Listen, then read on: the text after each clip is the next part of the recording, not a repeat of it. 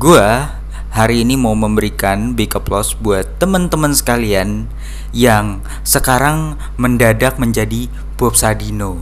Kalau ngomongin yang namanya Bob Sadino, kita tahu dia adalah orang terkaya di Indonesia. Mungkin salah satunya karena yang gue tahu dia itu punya usaha, dia itu punya salah satu uh, supermarket ya yang kita tahu di banyak sih supermarketnya di mana-mana. Dan dia pun jualannya tuh nggak nggak yang barang-barang yang biasa kita temui di minimarket minimarket ya.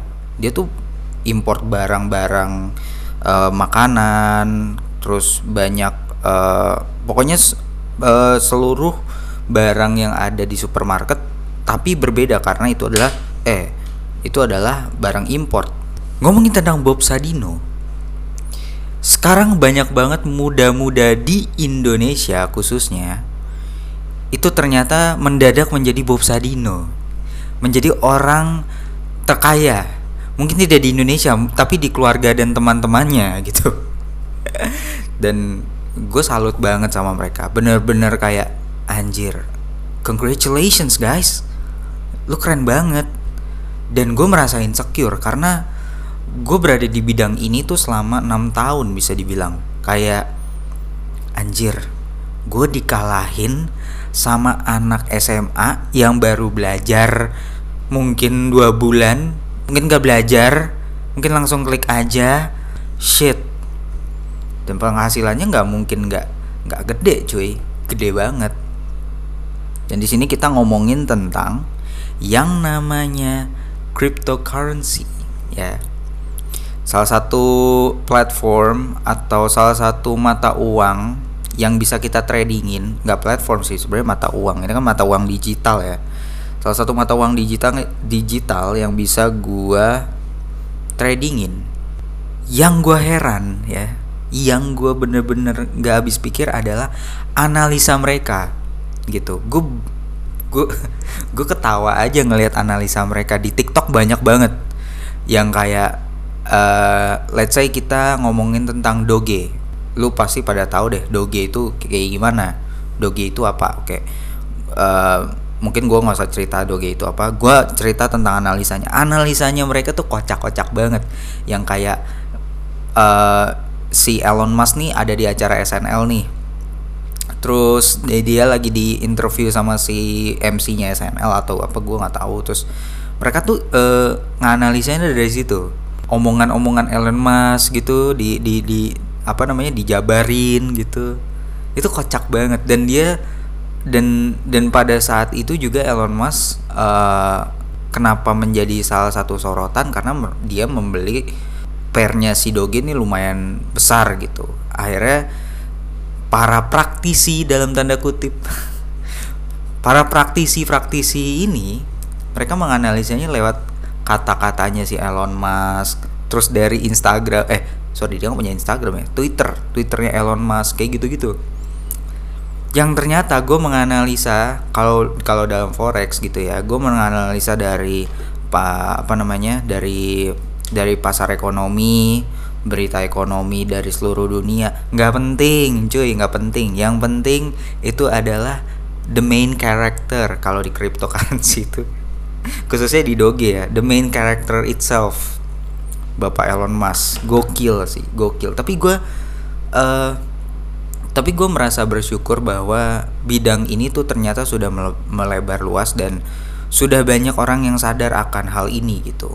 Karena sebelumnya gue tahu yang namanya forex um, saham dan segala macamnya orang-orang tuh skeptis banget tentang hal-hal kayak gini apa sih forex apa sih saham-saham gitu. Bahkan ada yang ngomong wah forex mah judi forex mah.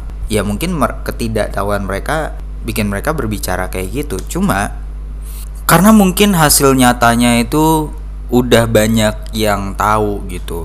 Wah Gila ya, dari beginian doang orang bisa beli mobil. Wah gila, dengan kayak beginian doang gua naruh 10 juta, 2 bulan 4 bulan kemudian akhirnya bisa jadi rumah.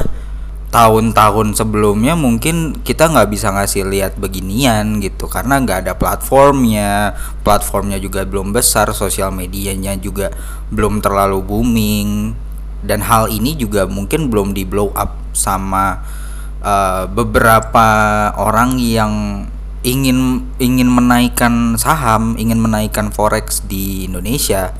Jadi mungkin kekagetan masyarakat Indonesia ini itu karena hype-nya aja.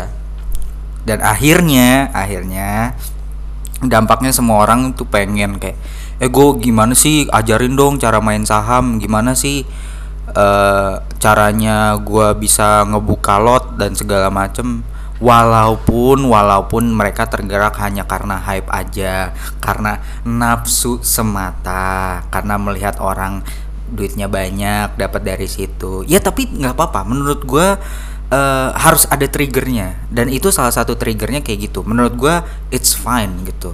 Karena gue sendiri dulu bergerak dari hal-hal yang seperti itu gitu. Maksudnya gue dikasih insight yang kayak nih lu kalau mau kaya nih lu lang main ini nih main ini ini namanya forex. Gue bergerak dari situ juga gitu. Gue nggak mungkin kayak tiba-tiba gue nemu forex di internet oh gini ya caranya oke gue main. Enggak nggak mungkin. Orang-orang ke trigger juga karena piti cuy karena duit gitu jadi it's okay. Gue juga gue juga berangkat dari hal-hal seperti itu. Tapi dari enam tahun yang lalu gue bener-bener hustling untuk belajar forex itu ya mungkin bisa dibilang sulit sih. Menurut gue agak sulit. Karena mungkin mediumnya lumayan kecil. Gue nggak dapat uh, eh, gue nggak bisa dapat insight dari mana-mana. Gua nggak bisa dapat pelatihan atau segala macem yang gue bisa gue bisa tiru nih itu mediumnya sangat kecil karena uh, lingkupnya segitu-gitu aja. Kalau sekarang banyak banget lu mau cari di TikTok banyak lu mau cari di YouTube sekarang banyak banget. Jadi gue sekarang sangat bangga sekali ke pada semua orang yang sudah ternyata sadar gimana caranya kita bisa dapat uang dari rumah. Dan itu yang paling penting dari rumah ya. Karena ya di era yang kayak gini di masa yang seperti ini tidak gampang untuk mendapatkan pekerjaan. Apalagi lu, lu pada yang mungkin uh, menginginkan satu pekerjaan dengan gaji yang besar gitu ya. Uh, ya mungkin mungkin itu mungkin itu bisa terjadi tapi mungkin buat lu yang kaum kaum instan. Ya gue nggak menyalahkan kaum instan. Semua tuh pasti pengen sesuatu yang instan. Gue juga pengen sesuatu yang instan. Ya gimana caranya ya? Bayangin aja kemarin ya. Ini gue cari eh, tarik gambaran eh, dari doge aja. Lu naruh doge ini udah lama kayak udah setahunan. Tiba-tiba tiba-tiba dari harga 4.500 tahu gue ya? Dari harga 4.500 flat itu benar-benar flat selama berapa ya? Lima bulan kali. Kalau gue kan baca dari candlesticknya kayaknya dari dari lima bulan lalu tuh flat. Tiba-tiba 2021 bulan Mei bulan Mei kan ya? Ya bulan Mei. Tiba-tiba sung! Lu bayangin gimana nggak bludrek tuh. Dari lu bay aduh.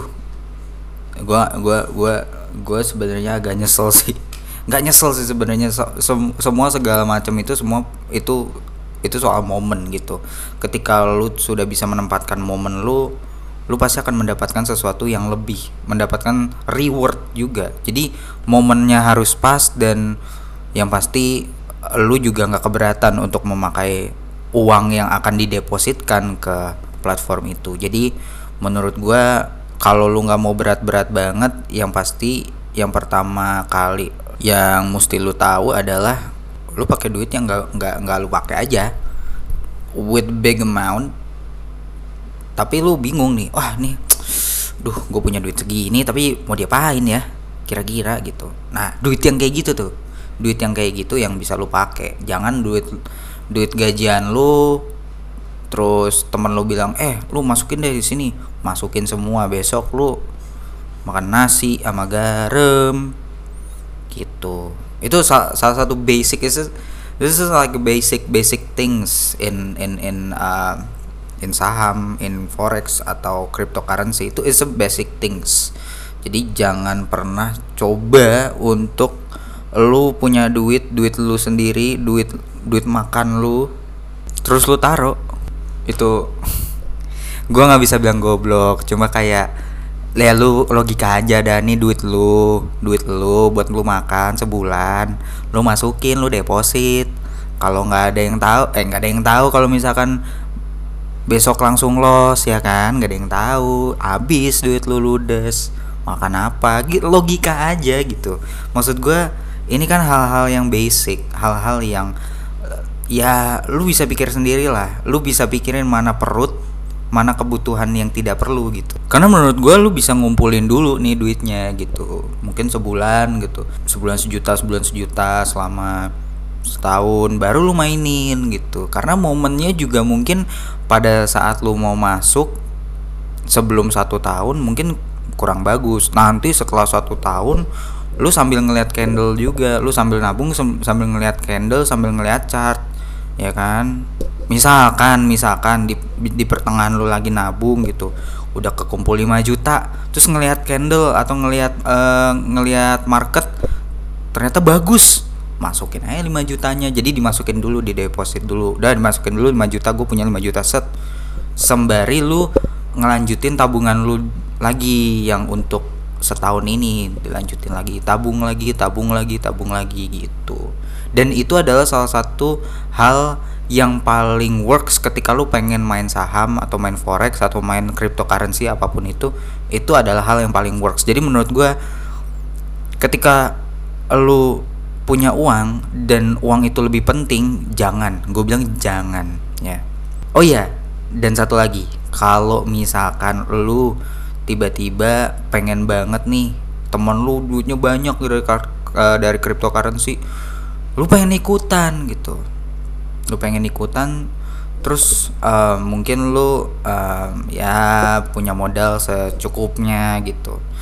Gue sarankan untuk jangan ya. Kalau menurut gue lu kalau mau bener-bener lu punya modal yang cukup besar modal yang uh, ya balik lagi sih yang ke tadi yang nggak yang nggak lu pikirin aja duit hilang bodo amat gitu. Jadi nggak lu pikirin.